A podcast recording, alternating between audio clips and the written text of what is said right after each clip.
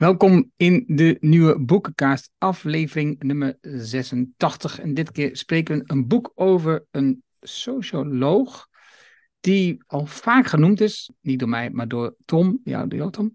Hartmoed Rosa, Leven in tijden van versnelling. Ik moet zeggen, want ik kende het werk van Hartmoed Rosa helemaal niet. Het is meer jij koker. En ik had wel, denk ik, door jou ook een keer een interview met hem gezien op Arte. Uh, was verlieren wir, wenn wir Zeit sparen. Ik zal de link in de show notes vermelden.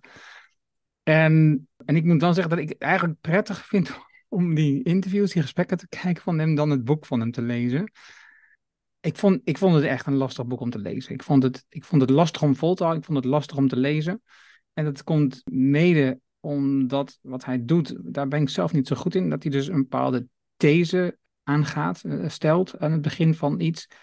En dan in het hoofdstuk uitlegt waarom die these klopt.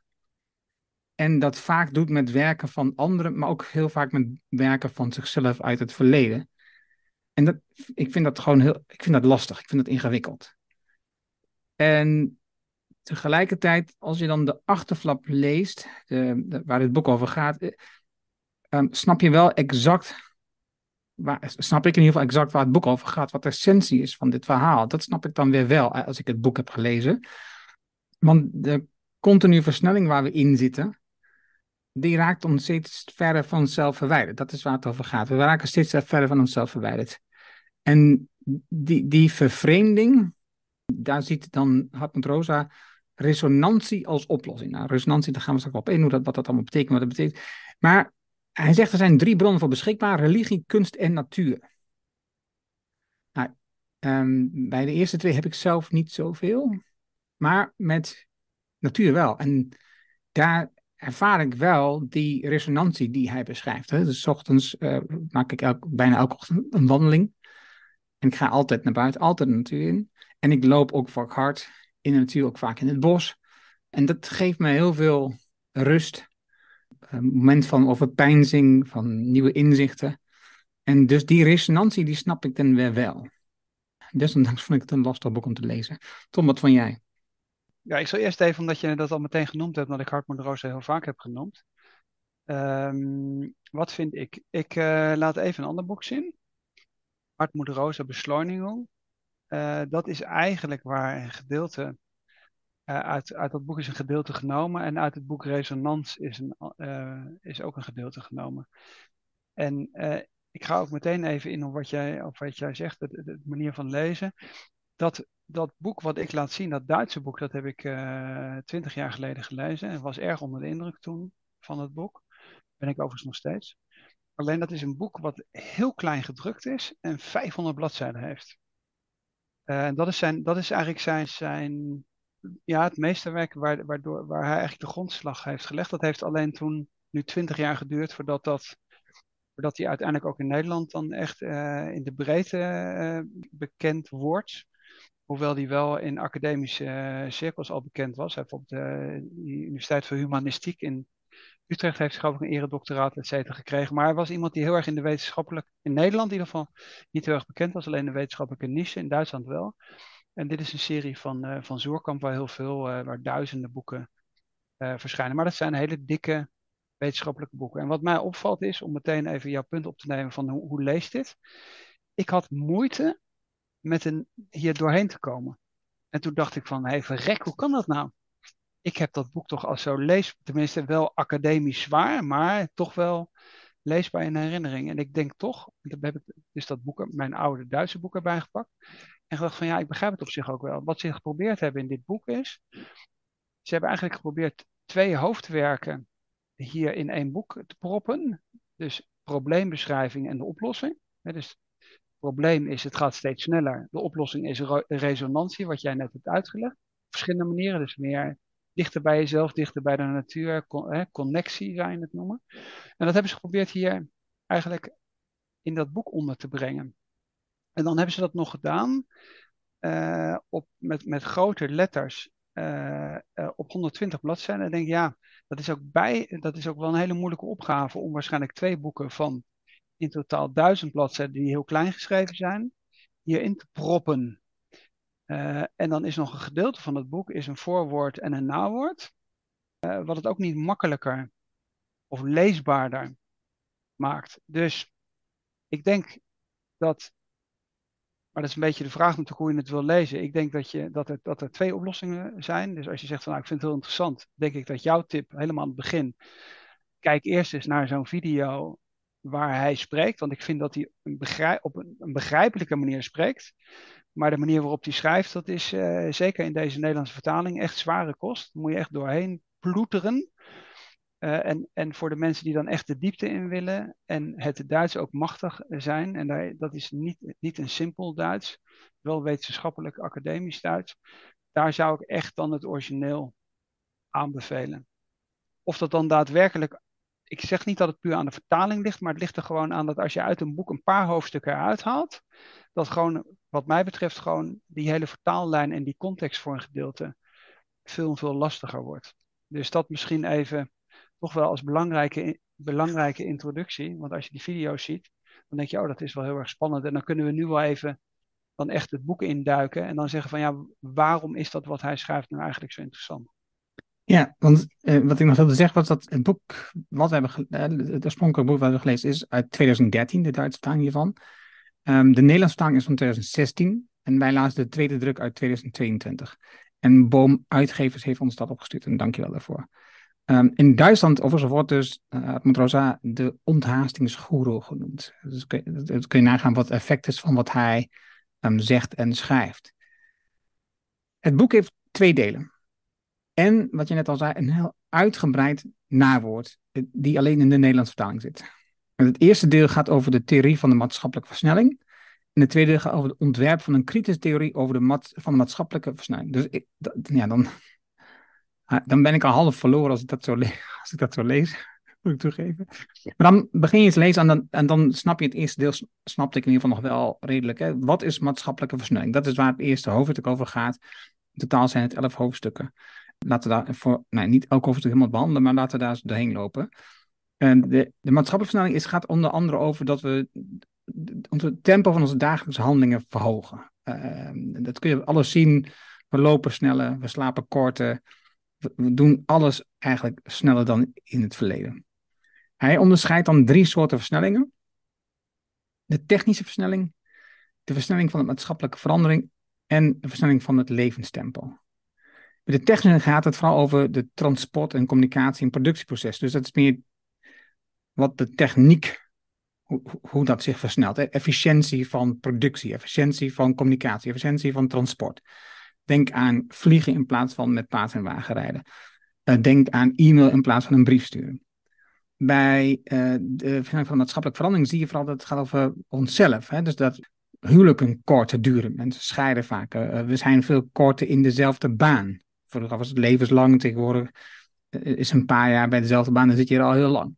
Maar ook ons verval van onze eigen praktische dagelijkse kennis. Dus als jij een onderwerp hebt geleerd en je hebt er verstand van, dan duurt het veel korter tegenwoordig dat je, dat je daar al op een expert op bent. Want voordat je weet, is er, is er nieuwe inzicht er zijn, er is een nieuwe theorie, nieuwe kennis. Dus ook daar moet je continu bij blijven, want dat gaat steeds sneller. En bij de laatste, bij de versnelling van levenstempo, zie je dat wij zelf bijvoorbeeld um, een gebrek aan tijd ervaren. We, we, we, hebben een tekort aan tijd, is wat we de hele tijd ervaren. En tijd wordt ook schaarser en duurder als we dus steeds drukker worden. Wat daarbij komt, is dat we het gevoel hebben, zelf hebben, dat we het ook allemaal niet meer bij kunnen houden. De, het gaat sneller, we hebben minder tijd. En daardoor krijgen we ook het gevoel dat we het gewoon niet meer kunnen bijhouden. We doen meer in minder tijd, is zijn conclusie. En het bijzondere is bijvoorbeeld dat als je kijkt naar de technische versnelling, en dus, dus de producten worden efficiënter, het proces wordt efficiënter, zou je eigenlijk verwachten dat we meer tijd overhouden. Bijvoorbeeld, um, vroeger wasten we met de hand, tegenwoordig flikken we de was om de wasmachine, het ding zet je aan, het kost bijna geen tijd meer. Dus als we evenveel zouden wassen als vroeger, houden we dus zeeën van tijd over. Maar dat is niet waar. Vroeger werd de kleding één keer per maand gewassen. kijk maar naar hele oude films, dan zie je dat mensen gewoon de hele tijd dezelfde uh, um, jurken bijvoorbeeld aan hebben. En die zijn echt heel erg smerig. Tegenwoordig wordt de was één per week gedaan. En spendeer je dus veel meer tijd met dezelfde handeling. Nou, hetzelfde gaat een e-mail. Vroeger een brief uh, stuurde er misschien um, twee in een week of zoiets. Misschien een paar in de maand en hield het op. Maar we heel veel tijd kwijt met het schrijven van die brief. Want tegenwoordig sturen we gewoon 50 e-mails op een dag. Dat is niks bijzonders aan. En dus zijn we weer veel meer tijd kwijt met het sturen van e-mails. Terwijl het proces eigenlijk, de technisch, is sneller geworden. Dus dit is eigenlijk tegenstrijdig de paradox die erin zit, die hij beschrijft in het, in het eerste hoofdstuk. Ja, en wat ik dus fascinerend vind is uh, precies waar jij, uh, wat jij nu hebt uh, samengevat, is die paradox. Dus dat je eigenlijk een maatschappij hebt die, ik zou zeggen, waar je, waar je eigenlijk zou verwachten dat je steeds meer tijd overhoudt en waar dus exact het tegenovergestelde gebeurt. En wat ik fascinerend vind, is dat hij op een gegeven moment zegt van ja, dat is een zelfversterkend systeem. En dat is, en dan uiteindelijk, dat is misschien nog wel belangrijk om even uit te zoomen, de, de traditie waar hij, waar hij in schrijft, is eigenlijk neo, neo-Marxisme. Het komt aan het eind van het boek ook weer terug met vervreemding, of het, het, het steeds minder connectie hebben, et cetera. Dat is de, de traditie van Marx en de Frankfurter Schule, et cetera, waar we het ook wel eens vaker over hebben gehad. Maar ik vind het idee dan op sociologisch niveau daar dan elke keer weer heel diep in te stappen en zeggen, ja, hoe, hoe kan dat nou eigenlijk? En waardoor komt dat nou eigenlijk tot stand? Dat vind ik uh, qua thema wel fascinerend, omdat het natuurlijk zoiets is wat iedereen ook kent. Dan kun je dat allemaal kun je uitleggen. Je hebt een aantal voorbeelden genoemd. Het kan bijvoorbeeld ook de reistijd zijn naar je werk. dus vroeger liep je gewoon even achter het huis als een werkplaats. Of uh, de boer die in principe op zijn, op zijn werkplek woont. Zou ik maar zeggen, nu staat iedereen in de file. Daar krijg je ook wel heel veel stress van, et cetera. Maar het is een soort, het mooiste vind ik eigenlijk al het razende stilstand. Wat hij ook heel vaak in het boek noemt. Dat gaat allemaal steeds sneller, maar eigenlijk beweegt zich helemaal niks. Ja, ik denk dat, dat het daar in principe over gaat. En dan kun je natuurlijk daar verder in principe induiken. En dat doet hij ook. En dus elke keer wat hij eigenlijk doet, is dat hij als een soort chirurg eigenlijk die dingen ontleedt. Eh, wat je zelf misschien als leek niet zo onmiddellijk zou doen. En zegt van ja, waar, waar komt bijvoorbeeld dan in eerste instantie dan die versnelling bijvoorbeeld vandaan? En dan duikt hij uiteindelijk in het kapitalisme. Dat is dan hoofdstuk 2. Wat zijn nou die drijfveren van de maatschappelijke versnelling? En dan zegt hij nou, het ene is in het kapitalisme concurrentie. Je wilt concurrentievoordelen opbouwen. Dus, en hoe bouw je concurrentievoordelen op? Door dingen sneller te doen. Dus er is gewoon een hele sterke drijfveer in ons systeem, omdat we een kapitalistische economie hebben, om alles permanent sneller te doen. Want als je dingen sneller doet, dan wordt je concurrentiepositie uh, beter. Wat misschien nog wel belangrijk is, wat hij ook in het tweede hoofdstuk noemt, is dat hij ook wel weer de link maakt, en dat hebben we in het verleden ook wel eens gedaan, en dat doet bijvoorbeeld Alain de Botton ook, dus de oprichter van de School of Life, dat hij zegt van ja, dat geldt bijvoorbeeld individueel ook in een samenleving waar je geboren wordt. Hij schrijft dan hier op bladzijde 33, koning, boer of ridder, en daar ligt dat gewoon vast. En, en dat is natuurlijk, vinden wij vanuit de verlichtingsgedachte, dat we willen dat iedereen dezelfde gelijke kans heeft, vinden we dat natuurlijk helemaal niet goed. Maar als jij van een dubbeltje nooit een kwartje kunt worden, creëer je het wel een hele grote rust. Als jij boer bent, ben je boer en dan ben je voor de rest van je leven boer. En je kinderen worden dan ook boer of lijfeigenen. Uh, en als je de koning bent, ben je de koning. Alleen als je natuurlijk het gevoel hebt, hé, hey, er zit beweging in, ja, dan ga je je ook bewegen. En dat creëert natuurlijk bijvoorbeeld ook weer uh, snelheid. Misschien om even die punten door te lopen. Het tweede punt wat hij noemt is, waar komt het dan vandaan? Uh, culturele drijven, of wat, die, wat dan hier de belofte van de eeuwigheid genoemd wordt. Dat is natuurlijk iets wat we ook kennen. Uh, dat los daarvan of je wel of niet religieus bent, die berusting in de hemel of het eeuwige leven valt weg in een uh, geseculariseerde maatschappij. En de focus komt helemaal te liggen. En ik vind dat hij dat bijvoorbeeld ook weer goed weet te verwoorden. Hij zegt op bladzijde 36, het idee is het goede en het vervulde leven. Het leven dat rijk aan ervaringen is, waar alle mogelijkheden worden uitgeput. dus het doel is om zoveel mogelijk te realiseren in zo min mogelijk tijd. Het hele leven met al zijn diepte- en hoogtepunten. zo goed mogelijk te genieten, wordt nu het centrale thema van de mens. En daardoor krijg je natuurlijk ook een enorme verdichting, want we moeten de hele wereld gezien hebben. Dus dat hele idee van bucketlist, welke, hoeveel landen heb ik al bereisd en uh, zoveel mogelijk in zo weinig mogelijk tijd proppen. Dus hij schrijft hier, wie dubbel zo snel leeft, uh, ja, die kan dus binnen die levensspannen zijn gevoel voor, voor leven eigenlijk verdubbelen. En het derde punt wat hij noemt, dat is het laatste punt in dat tweede hoofdstuk, is de versnellingskringloop. En dat vind ik in principe ook wel weer interessant. Is dat, dat je dus eigenlijk een soort, een soort inherente versnelling krijgt. Eigenlijk een soort tandwieltjes die elkaar allemaal weer, weer, draaiende houden. En in principe, het, ja, eigenlijk hebben we onszelf, hij, je zou bijna zeggen, in een soort systeem opgesloten. Uh, en dan zegt hij van ja, wij leven in een, in een, in een idee. En dan citeert hij Marx, Marx en Weber. En dan zegt hij van er is alleen maar stilstaan of achterop, achterop raken. En dat zie je in de hele discussie over groei en economische groei zie je dat ook. Er is alleen maar groei of geen groei. Dus, maar dat je zegt van je hebt gewoon stationaire systemen die die stabiel zijn, dat hebben we in andere boekbesprekingen ook gezien, als ons hele systeem gebouwd is op groei, dan, dan is stabiliteit dus alleen maar mogelijk als er groei is. En dat vind ik hier in sociologisch opzicht wel interessant, omdat we natuurlijk vorige keer dat boek besproken hebben van uh, Hickel, hè, over degrowth, waar hij ook zegt van, we hebben alleen maar stabiliteit als er groei is. En Hartmoed Rozer zegt eigenlijk hetzelfde. Hij zegt, de kapitalist kan zich nooit een pauze veroorloven om wat uit te rusten. Hij kan nooit de race onderbreken om zijn positie te stabiliseren. Omdat wij altijd alleen vooruit of achteruit kunnen, uh, omdat hij alleen maar vooruit of achteruit kan gaan. Er bestaat geen evenwichtspunt, want stilstaan betekent altijd achterop raken, zoals Max en Weber ook al inzagen. En dat vind ik wel, dat vind ik wel fascinerende inzichten, moet ik eerlijk zeggen. Wel, aan zich is het natuurlijk al een vrij bekend inzicht stilstandsachteruitgang, omdat de omgeving versnelt, um, raken wij achterop. Dat is de gedachtegang. Dus, dus, ja, dus dat is natuurlijk het hele punt. Als, als je dus versnelt net zo hard als de omgeving, dan sta je eigenlijk stil. Maar, maar je bent wel altijd aan het versnellen. Maar het zit in alles. Dus als jij bijvoorbeeld een baan hebt en je zou zeggen ik ben tevreden en ik ben heel blij dat ik gewoon de komende tien jaar dit mag doen, dan, dan ben je een probleem want dan is de vraag, ja, maar wat wil je, waar zie je over vijf jaar, et cetera? Ja, ik, ik, zie me exact daar waar ik nu ook sta. Dus dat mag, je, dat mag je misschien als zelfstandige nog zeggen, of als boer, of als standaards, et cetera. Want de tandarts die, die boort over vijf jaar ook in dezelfde kiezen. Maar bij, bij een hele hoop mensen die, ik zal maar zeggen, in, in kantoorbanen werken, ja, waar zie je je over vijf jaar? Wat is de volgende stap die je wil zetten, et cetera? En dat is, ik vind dat toch, ondanks het feit dat we dat allemaal weten, vind ik dat hij dat hier wel op een hele interessante manier uh, ook ontleed. ik moet ook denken aan het gesprek wat had ik met Jan Willem uh, de Graaf, die um, lector is bij Saxion in Deventer. En hij heeft het over dus D-tech van de technologie. Dus, dus de, de, problemen waar we nu in zitten, komt vooral door de technologie. Dat zie je hier voor een deel terugkomen, die technische versnelling.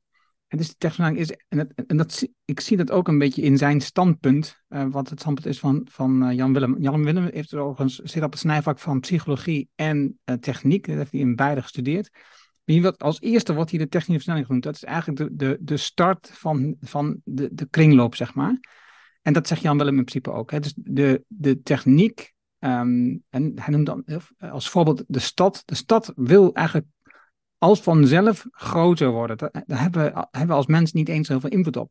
Dus willen we, willen we als stad groeien, dan gaan we de concurrentie aan met andere steden.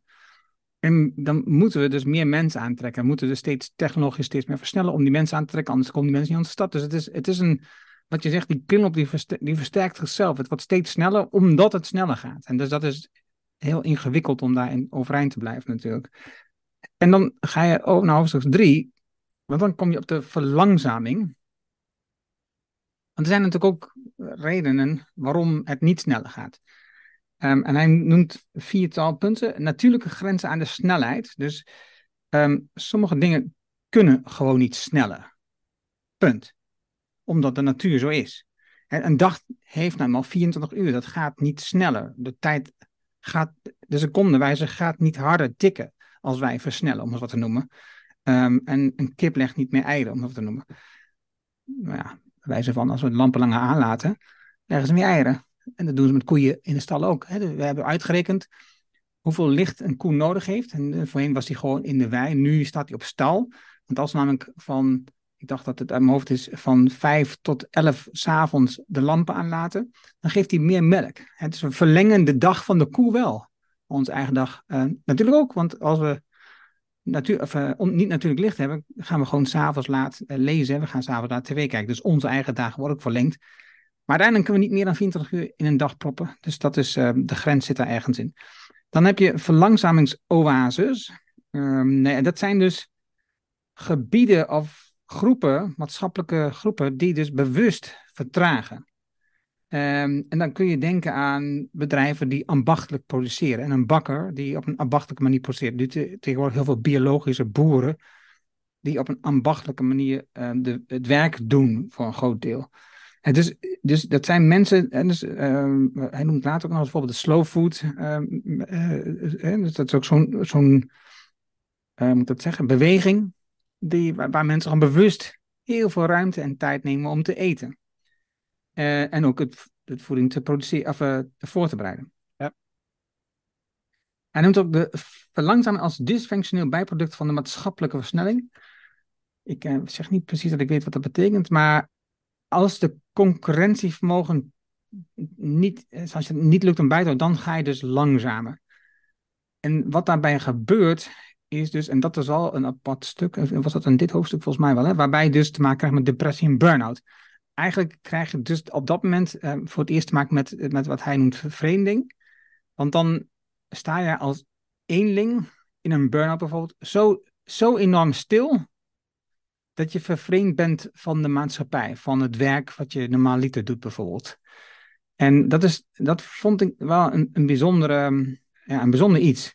Ook economische recessies zou daaronder kunnen vallen, want dat noem je een economic, economic slowdown in het Engels. Dus ook dat is een vertraging. Hebben we natuurlijk meegemaakt rondom corona. Uh, dus nou ja, dat zijn wel, wel dingetjes. En we hebben internationale verlangzaming. Nou, dat is een hele bijzondere, want wij gaan dus zeggen dat we dus, we zijn heel erg druk. En dat, dat zie ik ook steeds vaak om me heen. Um, we werken hard. En dan gaan we dus bewust ergens naartoe, ergens anders heen, om daar heel bewust te vertragen. In plaats van dat we zeg maar, over de volle linie ervoor kiezen om het rustige aan te doen, um, hakken we dat op in blokken. Dus we, we werken meerdere weken heel hard achter elkaar aan. En dan zijn we een weekend op retret of een week op retret en dan doen we bewust niets. En het lastige is dan, dan kom je terug en dan gaat die race eigenlijk net zo hard verder. Dus je stapt in die volle vaart in die trein van alles wat om je heen gebeurt. En dat maakt eigenlijk die onderbreking nog ingewikkelder. Dus het verhoogt je, uh, je bewustzijn, je creativiteit. Maar omdat je dus heel even uitstapt en daarna weer vol ingaat, wordt het eigenlijk alleen maar ingewikkelder. Tenminste, dat is zoals ik het gelezen heb, uh, voor duidelijkheid. Wat hij zegt is, hij zegt is de, het is helemaal geen verlangzaming, want de intentie is om naar de hand nog sneller te kunnen. Hij zegt hier, dus hij heeft het over, dat kent iedereen ook wel, een korte retreat in een klooster of een yogacursus, zoals managers of professoren die soms volgen, die een onderbreking van de, van de red race in het vooruitzicht stellen en bedoeld zijn om vervolgens succesvoller aan de versnelde maatschappelijke systemen te kunnen deelnemen. Dus, en dan zegt hij dan hier, onderbrekingen worden juist aanbevolen om het innovatievermogen en de creativiteit te verhogen. Dus na de hand nog sneller te kunnen zijn. Klopt. Nou, er is nog één laatste hoofdstuk, de keerzijde van maatschappelijke versnelling, structureel en cultureel versterking. Nou goed, dat, mag je dan zelf lezen. Want dan komt hoofdstuk 4, waarom er versnelling is en geen verlang, verlangzaming. Dus we hebben het net gehad over de versnelling. Hè, dus waar, welke versnellingen zijn er? Daarna hebben we het gehad over verlangzaming. Nou zou het dus zo kunnen zijn dat de verlangzaming de versnelling opheft. In theorie. Hè, dus dan, eh, dan is het zo, we hebben meer versnelling dan verlangzaming. Dus in theorie um, in, zouden we over het gemiddelde zeg maar, zouden we eigenlijk verlangzamen. Maar hij laat dus zien dat het andersom is. Dat de versnelling is groter dan de verlangzaming. En de meeste verlangzamingen, die hij beschrijft, die hij ervoor heeft beschreven, komen voort uit de versnelling. Die zouden aan zichzelf, op zichzelf niet bestaan. dus dat, die zijn eigenlijk direct gekoppeld aan die versnelling. Dus dat is um, hoofdstuk 4 uitgelegd waarom we uiteindelijk dus in totaal versnellen in plaats van verlangzamen. Ja, wat ik nog wel interessant vind is dat hij zegt van ja, uh, dat is op bladzijde 51.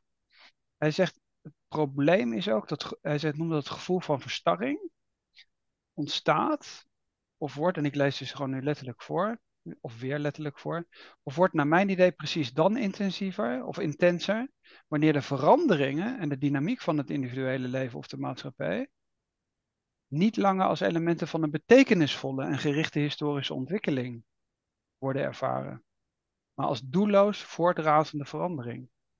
En dat is natuurlijk iets wat je natuurlijk ziet, enerzijds wat met secularisatie of met het, de ontkerkeling te maken heeft. Het grotere verhaal ontbreekt.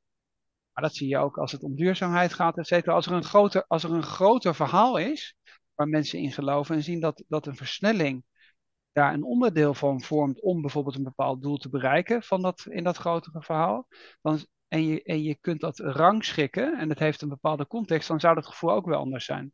Maar, dan gaat hij, uh, gaat hij hier verder, die dynamische verandering voelt men wanneer men de verschillende episoden zich aan één lijken te sluiten tot een narratieve geschiedenis of de groei van de vooruitgang. Terwijl men stilstand voelt wanneer zich doelloze, toevallige en onsamenhangende episoden van verandering, transformatie en variatie voordoen. En dat is precies waar wij uiteindelijk nu in zitten. Het grotere verhaal ontbreekt.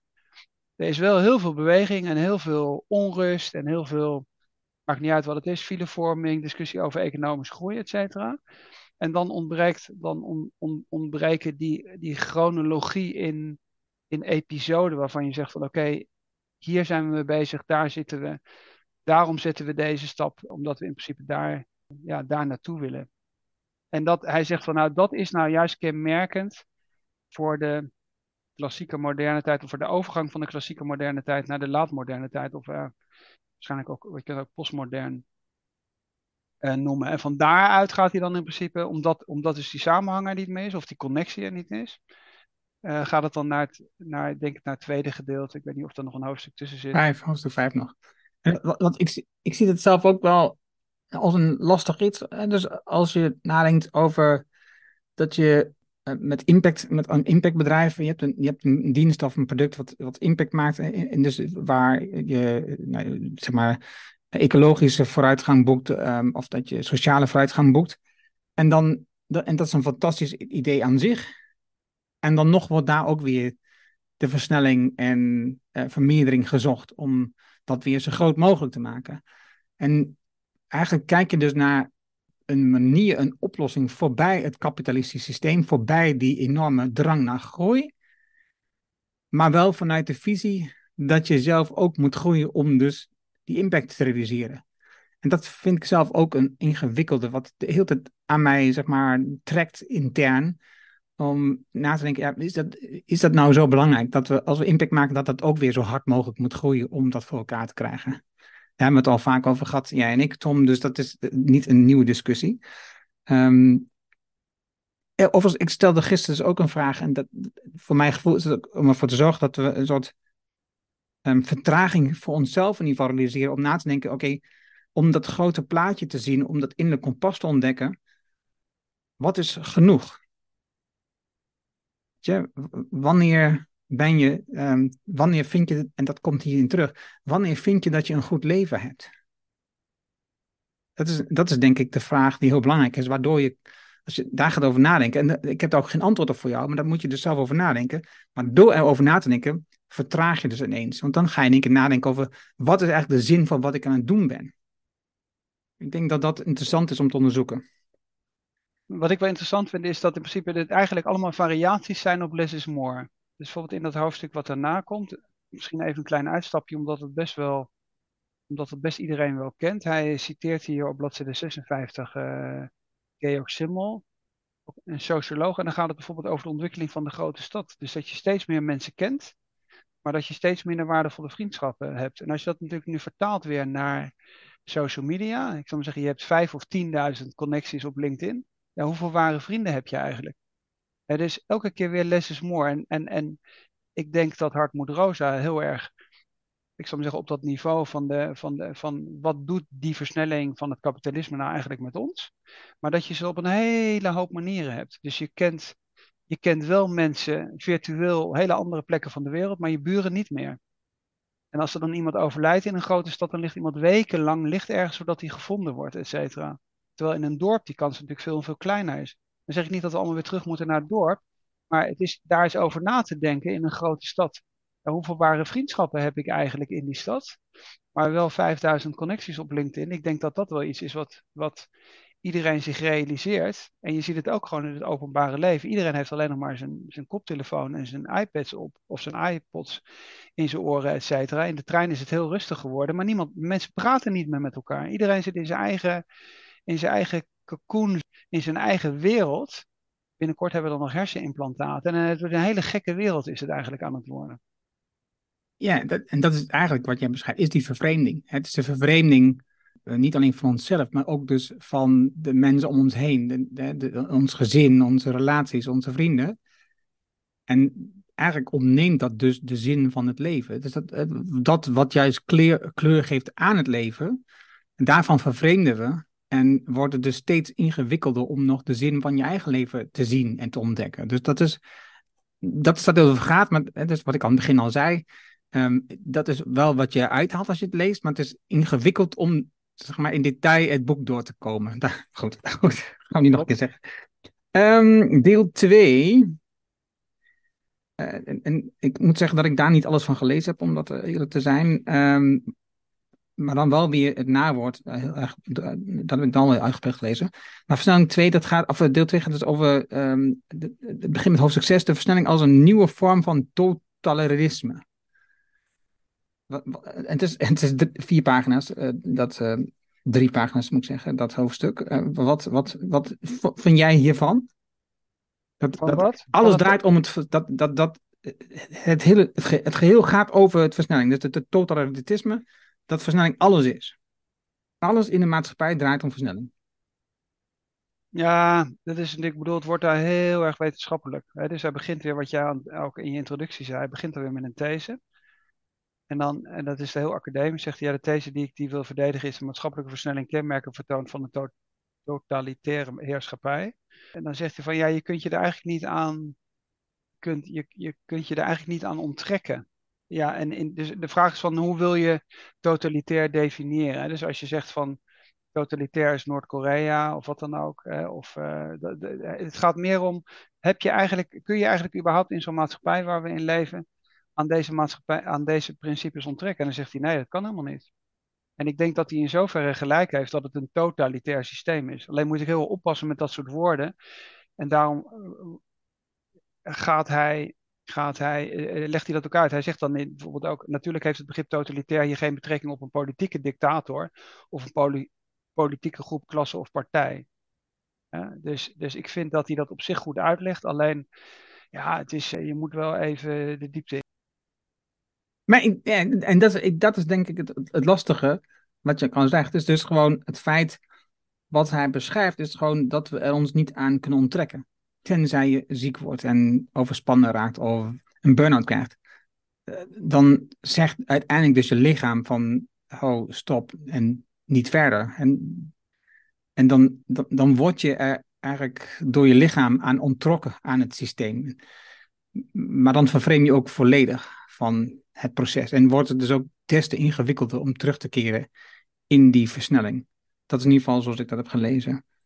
Dan krijg je die elementen van kritiek, wat hij noemt de ethische kritiek en de uh, functionalistische kritiek. Wil je daar nog wat over zeggen? Want ik heb het, ik heb het nauwelijks gelezen. Nou, wat ik wel interessant vind is dat uh, hij maakt even een uitstapje, bijvoorbeeld in bladzijde 74. Uh, waar we het ook al vaker over gehad hebben. En wat je bijvoorbeeld ook bij het thema burgerberaad en de hele discussie over de doorontwikkeling van de democratie hebben. Hij zegt, democratie is een tijds, tijdsintensief proces. Dus op het moment dat je alles vreemd via snelheid en dat dingen heel snel moeten gaan, doe je natuurlijk een hele hoop dingen gewoon tekort. Omdat, en dan kun je natuurlijk zeggen, oké, slow food, dingen langzaam laten groeien leidt tot een andere kwaliteit van je levensmiddelen, et cetera. Maar het is natuurlijk op het gebied van de democratie net zo. We hebben natuurlijk vaker wel dat voorbeeld gehad van de, van de Eerste Kamer. De Eerste Kamer, die zet je er niet tussen om, om, om, om weer extra tijd kwijt te raken. En zo wordt het tegenwoordig wel geframed. Nee, de Eerste Kamer is eigenlijk bedoeld om vanuit een andere reflectie naar de kwaliteit van je politieke bestel te kijken. En te zorgen dat wetgeving heel zorgvuldig gebeurt. En mensen eigenlijk minder vanuit partijpolitiek oogpunt uh, bijvoorbeeld daarnaar kijken. En dat is denk ik is het herontdekken van langzamer dingen doen, een hogere kwaliteit heeft en vooral ook een hele belangrijke rol vervult. Dat, is, dat is wat hij hier zegt. Hij zegt het proces van menings- en besluitvorming wordt des te langzamer naarmate de betrokken maatschappelijke groeperingen heterogeen en instabieler worden. Dus dat betekent dat als jij bijvoorbeeld een stad wil plannen of in een, in een wegen wil aanleggen, ja, het makkelijkste als je een dictator hebt. Dus als je zegt van ja, maar in China worden die hoge snelheidstreinen, kijk eens hoe snel dat gaat. Ja, Amahula. Logisch dat dat snel gaat. Want je hebt namelijk geen inspraakprocedures. Er wordt gewoon de hele boel afgebroken.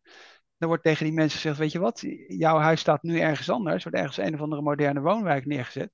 Maar die dorpen die worden natuurlijk allemaal plat gemaakt. Ja, dat heeft ook, als je heel snel hoogsnelheidslijnen wil bouwen, en dat, ik zou daar echt naar verlangen binnen Europa, veel TCV's.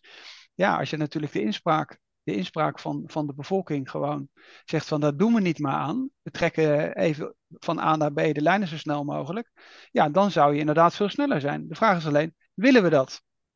dus ik vind dat hij die, dat hij die koppeling, uh, dat hij, dat hij die goed maakt. En hij maakt natuurlijk dan wel ook de, de koppeling naar de neoliberale politiek van de afgelopen 25 jaar. Hè, waar hij in principe zegt van ja, het grote doel van die neoliberale politiek was inderdaad een versnelling van, de, van het maatschappelijke te bereiken. En dan alles ook in principe vanuit dat perspectief van die versnelling eigenlijk gewoon te privatiseren, te dereguleren. Dus dereguleren is wat dat betreft ook weer een interessante context. Ik haal regels weg om dingen sneller te maken. Alleen de vraag is, als ik regels weghaal, is dat eigenlijk wel in het belang van een hele hoop stakeholders die normaal gesproken in dat proces betrokken zouden zijn? dus ik vind het wel een interessante koppeling uh, die die daar maakt. Misschien omdat jij zegt van nou, je hebt dat niet, niet dat tweede gedeelte, uh, heb je niet, heb niet alles gelezen. Wat hij uiteindelijk doet, is dat hij eigenlijk komt met een modernisering van de, van de entfremdung of de vervreemding van Marx. En Marx had puur op het werken in de fabrieken. En hij, hij, heeft heel erg, hij zoomt heel erg in vanuit, vanuit dat versnellingsprincipe. Waar we dan als we naar het laatste gedeelte komen. Eigenlijk zegt het ja, het moet langzamer en we moeten weer connectie hebben met onze medeburgers, met de mensen bij de politieke besluitvorming, maar zelfs ook met goederen. Hij zegt als je een broek laat repareren of schoenen of wat dan ook, je bouwt bijna een soort relatie op tot tot de dingen. Uh, en in het boek van uh, Hickel, wat we besproken hebben, Les is More, daar stond in een van die hoofdstukken stond een citaat van Max Horkheimer en Adorno van de Frankfurter Schule, waar het om de verdinglichung ging. Dus juist het de ziel eruit halen, vind je bij hem ook weer terug. Hij zegt, als jij een, een relatie opbouwt tot jouw spijkerbroek, of tot jouw schoenen, of tot jouw, hij noemt je geloof ik de auto en de fiets, et cetera. Vroeger waren natuurlijk mensen op een andere manier met hun auto bezig. He, daar werd er opnieuw uh, werd de lak, uh, werd de roestplekken eruit gehaald en werd er opnieuw geverfd. En, en, en dat, dat ding kreeg een leven. He? Dat, en nu een beetje van je ziel zat in, zat in dat, in dat ja, ding. Ja, ja. en je, je was bijna, je, je, je groeide samen met je auto. Je ziet het met mensen die oldtimers hebben en zo. En, en, en hoe korter die cycli zijn en hoe meer het een soort wegwerpmaatschappij wordt, waar we op geen enkele manier een relatie tot ook goederen opbouwen, ja, kom je dat bij dat hele duurzaamheidsthema natuurlijk terug.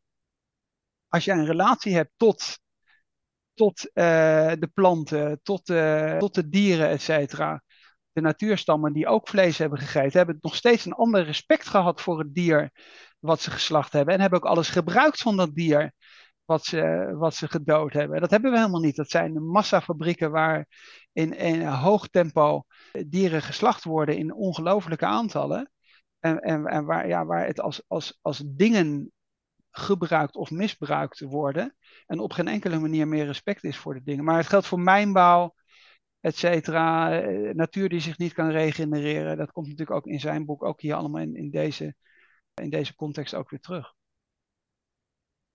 Dat is wel, ja, dat is wel super interessant, eerlijk gezegd. Wat ik dus niet allemaal gelezen, wat, wat ik nu van jou begrijp. En dus als ik dat zo hoor, dan denk ik, nou ja, dat, zou ik toch nog weer na willen lezen om dat, om dat te onderzoeken verder. Ik heb daar wel doorheen ge, ge, gelezen, maar niet echt grondig gelezen. Dus dan zie je dus dat stuk. En ik zat ook bij dat stuk van democratie, dat dat zoveel tijd kost. te denken aan Eva Roberts met, met uh, de burgerberaden. En, en daar ook in haar boek staat ook heel duidelijk, als, als je dit goed wil doen, dan vergt dat dus veel aandacht en in veel tijd. En dus, dus een burgerberaad is niet opgezet om ervoor te zorgen dat de dingen versnellen. Het is niet opgezet om ervoor te zorgen dat de besluitvorming sneller gaat. Het is ervoor te zorgen dat we erbij betrokken worden in het proces. Zodat je samen een besluitvorming krijgt rondom Um, nou ja, in, HAVO bijvoorbeeld over um, abortus of zo. Maar het kan over het milieu gaan. Het maakt niet uit. Of over de stad, wat je net zegt. Hè? Dus, hè, dus met z'n allen de TGV gaan we kijken hoe kunnen we nou um, in Europa versnelling krijgen van treinlijnen. Dat, dat kun je samen bespreken. En op het moment dat je dat doet, wordt daarna de besluitvorming makkelijker. Want dan ga je eerder nadenken, ja, oké, dan moet dat dorp maar uh, ja, iets meer last hebben van die trein. Want dan hebben we als Europa wel daar het voordeel van. En dus als je er niet bij betrokken wordt, besluit van, omdat we vinden dat de bestuursstructuur kleiner moet worden, want dat moet sneller, ja, dan krijg je eigenlijk weer meer weerstand van de burger, omdat hij het niet ziet. En dat zien we nu weer terug. Weerstand rondom windturbines, om eens wat te noemen, of uh, zonnevelden.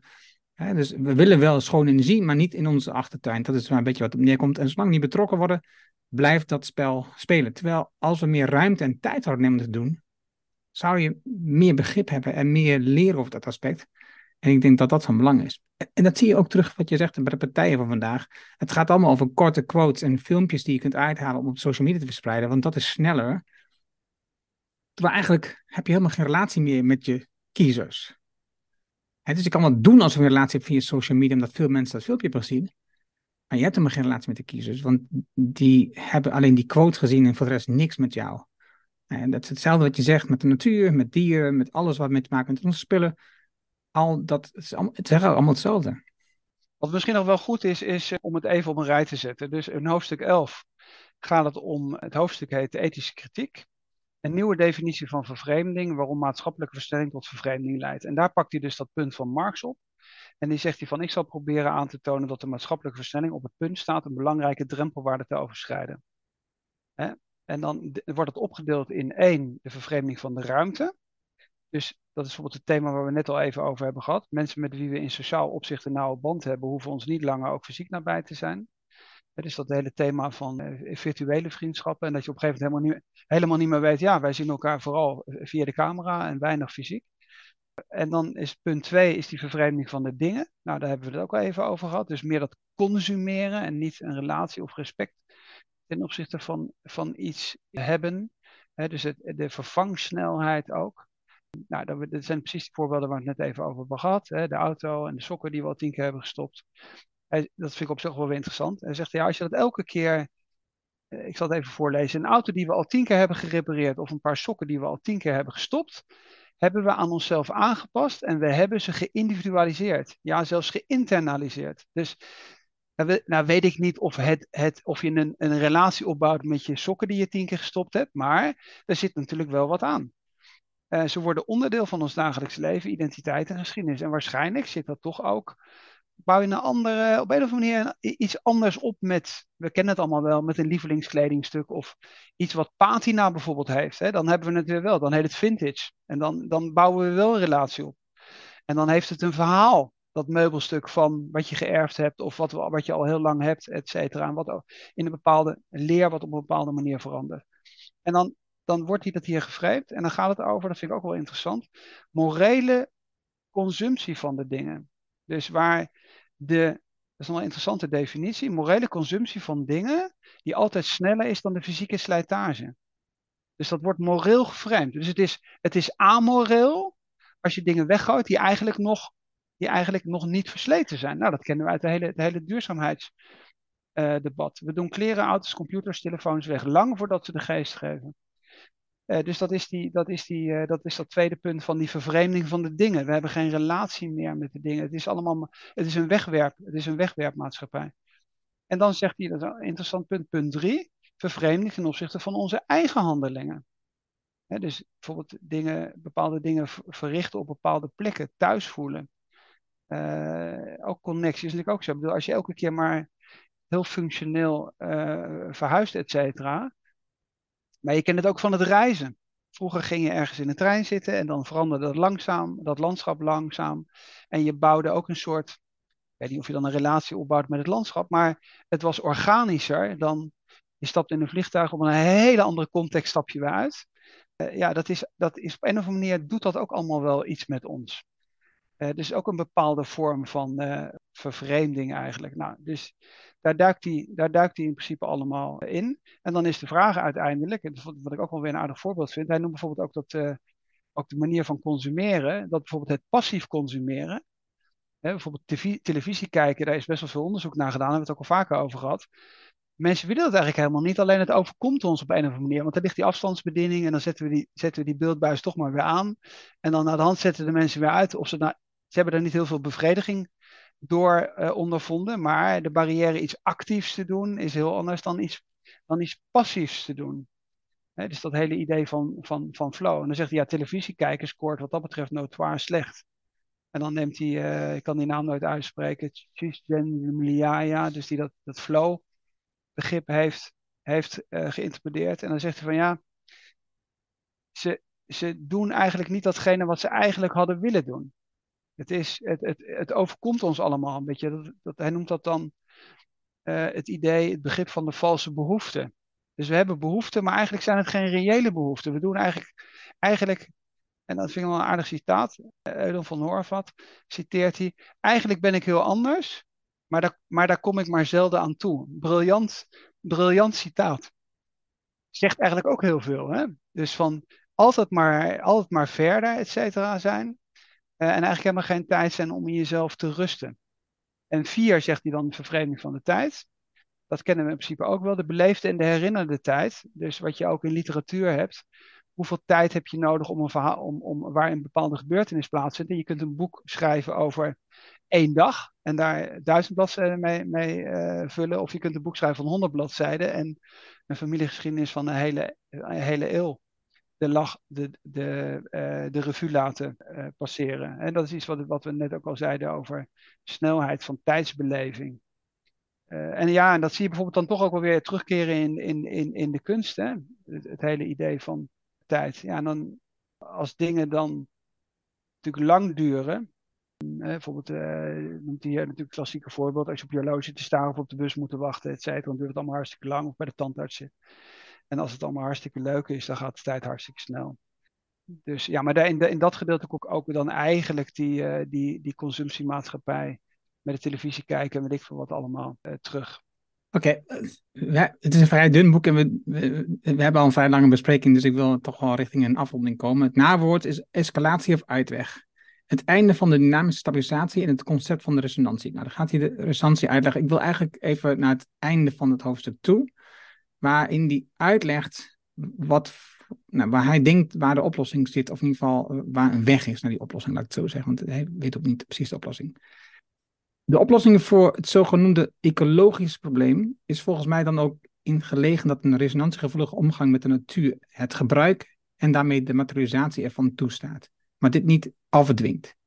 En zo beide zijden van onze verhouding met de natuur internationaliseren. Het concept van de resonantie op zich vormt nog geen oplossing, zoals ik net al zei, voor de pathologieën van de toename en de vermeerdering die de, die de moderne tijd kenmerken. Maar ik hoop wel een richting te hebben geweest bij het zoeken naar een uitweg. En dat is dus wat hij doet. Dus hij zegt dus, in dit hoofdstuk legt hij uit wat nou precies die vervreemde resonantie is. Maar hij zegt niet dat de resonantie een oplossing is. Maar hij zegt, ik hoop voor jou, voor jou als lezer, dat het dus een richting geeft. Als jij zoekt naar de uitweg. Want in principe zou je, als je dit allemaal hebt gelezen, uiteindelijk zeggen: je, ik zoek wel een uitweg uit die gedwongen versnelling. Uit, dat, uit het proces waar ik in vast zit, waar ik gevangen zit. Dus je zoekt naar de vrijheid. En nou, die, ja, die is er niet in dit boek direct. Maar resonantie, hè, dus um, zoek dat dan in uh, religie, uh, kunst of in de natuur. Dat helpt wel om die weg voor jou te zoeken. Um, voordat we dit heel hoofdstuk weer opnieuw uitgebreid gaan uitleggen, want dan, uh, dan zitten we straks hier nog uh, vrij lang. Wat je natuurlijk in principe kunt zeggen is dat die dingen die die eerste negatieve manier op negatieve manier heeft beschreven, die kunnen natuurlijk gewoon omdraaien. Dus om even dat voorbeeld te nemen van, het, van de wegwerpeconomie, en dat zie je natuurlijk ook. Je hebt ook die challenge, ik koop niks nieuws, et cetera. Dat is nou juist eigenlijk het antwoord op ga je weer een verbinding opbouwen met je spijkerbroek en je schoenen en, en je auto, et cetera? Of ga je in het oude tempo uh, door en, en gooi je alles permanent weg omdat iemand zegt dat die kleur of die schoenen of de lengte van je pijpen, et cetera, uh, niet meer modieus genoeg is, omdat de modeketen uh, tien collecties er doorheen wil jagen per jaar. Hè? Of voeding, dichter bij huis regionaal inkopen, et cetera. Dus ik denk dat je, dat je in principe met wat wij allemaal hebben genoemd in negatief opzicht, eigenlijk gewoon de boeken omdraaien en zeggen, je moet precies tegenovergestelde doen. Of schrijf eens op welke vijf vrienden je het allerbelangrijkste vindt. Besteed daar tijd aan. In plaats van mensen waar je, waar je alleen maar uh, virtueel contact mee hebt. Ik moet uh, denken aan twee dingen. Vanochtend zag ik de nieuwsbrief binnenkomen van de Daily Stoic. Maar het ging dat het goed was om besluiten te nemen die tegen je natuur of tegen je eigen gevoel ingaan. hij noemde het voorbeeld van uh, Constanza uit de serie uh, Seinfeld. Die tot de conclusie komt, ik doe eigenlijk alle beslissingen die pakken allemaal verkeerd uit in mijn leven. Dat was zijn motivatie. En waar Seinfeld zegt, nou doe je toch alles precies tegen dat. En toen hij dat een dag deed, toen ging alles fantastisch.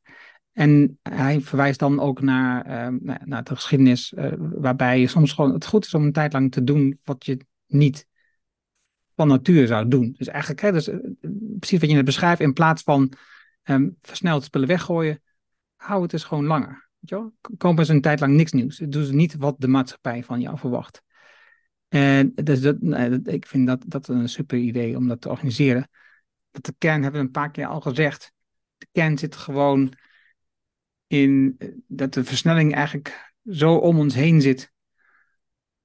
Dat we er eigenlijk middenin zitten zonder er bewust over na te denken. En dat zit in het hele systeem, in alles, in producten, in natuur, in de democratie, in besluitvorming. Alles zit het in. En het is ingewikkeld om eruit te komen. En eigenlijk wat Kevin Kelly hem zegt, ook in zijn nieuwste boek, hè, dus de, de 70 levenslessen die hij heeft geleerd in zijn leven, uh, is dus dat je eigenlijk niet een betere ik zou moeten worden. Het is beter dan de ander, want dat, dat is de red race waar je dan in zit. Maar een andere ik moet worden. Het is, dus wees anders dan de omgeving. En dat was wat ik net wilde zeggen. Dat is waar het om draait. Hè. Dus door het tegengestelde doen van wat de mensen om je heen verwachten, je eigen unieke ik ontwikkelen en daar gewoon uh, niks van aantrekken wat de ander van vindt, maar dat gewoon doen. Ja, dat, en dat zie ik wel bij stoere mensen om me heen. Die moed hebben gevonden, anders zoals Elisa Pauls, die dus voor de Zero Waste bijvoorbeeld strijdt in Nederland. En dan zie je dus dat zij dus met zo'n challenge komt samen met maatschappij. Om na te denken, hoe kunnen we nou meer mensen aanjagen om geen spullen maar automatisch weg te gooien. Nou, je ziet het bij uh, Katja Diel, die autocorrectuur in Duitsland um, heel hard promoot. Dat we veel meer loskomen van die auto. Het zijn best wel moedige mensen vinden die, die dus hun eigen ik ontwikkeld hebben. In tegenstelling werken van de alsmaar doordenderende ja, maatschappij en economie om ons heen. Dus dat is mijn uh, afsluiting. Nou, mijn afsluiting eh, zou zijn, uh, het is, ja, het is een zware kost. Ik denk dat als je nou het interessant vindt om, om toch wel wat, wat academische diepte in te gaan en ook dat hele idee van de vervreemding wat we van Marx uh, en Weber kennen, als je dat nou interessant vindt, dan, dan zou ik inderdaad wel in zijn werk duiken. Omdat het toch wel inzichten oplevert waar je dan toch op als normale leek, een beetje slow. Het, het, het, gaat wel verder dan alleen maar te roepen, het moet allemaal langzamer. Het is, er zitten wel veel, veel diepere, uh, diepere inzichten in. Ik vind het nog steeds absoluut fascinerend. En anderzijds ook wel weer schrikbarend. Omdat bij alles wat wij eigenlijk op dit moment mee bezig zijn, de zijn eigenlijk vanuit welke discipline je daar ook naar kijkt, eigenlijk de zijn allemaal op rood staan. Of het nou het duurzaamheidsthema is, of die grenzen van de groei, of uh, biodiversiteit, maar ook burn-out, uh, connectie, vertrouwen, populisme, democratie die doorontwikkeld moet worden. Ze zijn, overal zijn er ongelooflijke kansen. We hebben ongelooflijk veel kennis en kunde. Maar zijn op een of andere manier in onze. Ja, ik vind eigenlijk dat die hele idee van de razende stilstand. vind ik zo als begrip voor eigenlijk alles waar we op dit moment. alle uitdagingen waar we bezig zijn. Of het nou energie of wat voedsel, maakt niet uit. We kunnen alles. Maar met alle kennis en kunde die we hebben, maken we, ja, is, het, is het een razende stilstand. het is niet eens een stilstand. Eigenlijk zijn we de boel op een hele hoop verschillende dimensies gewoon in een, in een heel hoog tempo naar de Filistijnen aan het helpen. Dus uh, ja, ik vind het wel, um, ik vind het, blijf het interessant vinden. Dat is het zeker. Dus uh, dankjewel voor het luisteren. En volgende week hebben we een, een bijzondere aflevering. Um, maar daar vertel ik je dan meer over. En de week daarna gaan we weer gewoon door met onze normale aflevering. En graag tot de volgende aflevering. Dankjewel, Tom. Dankjewel, Enno.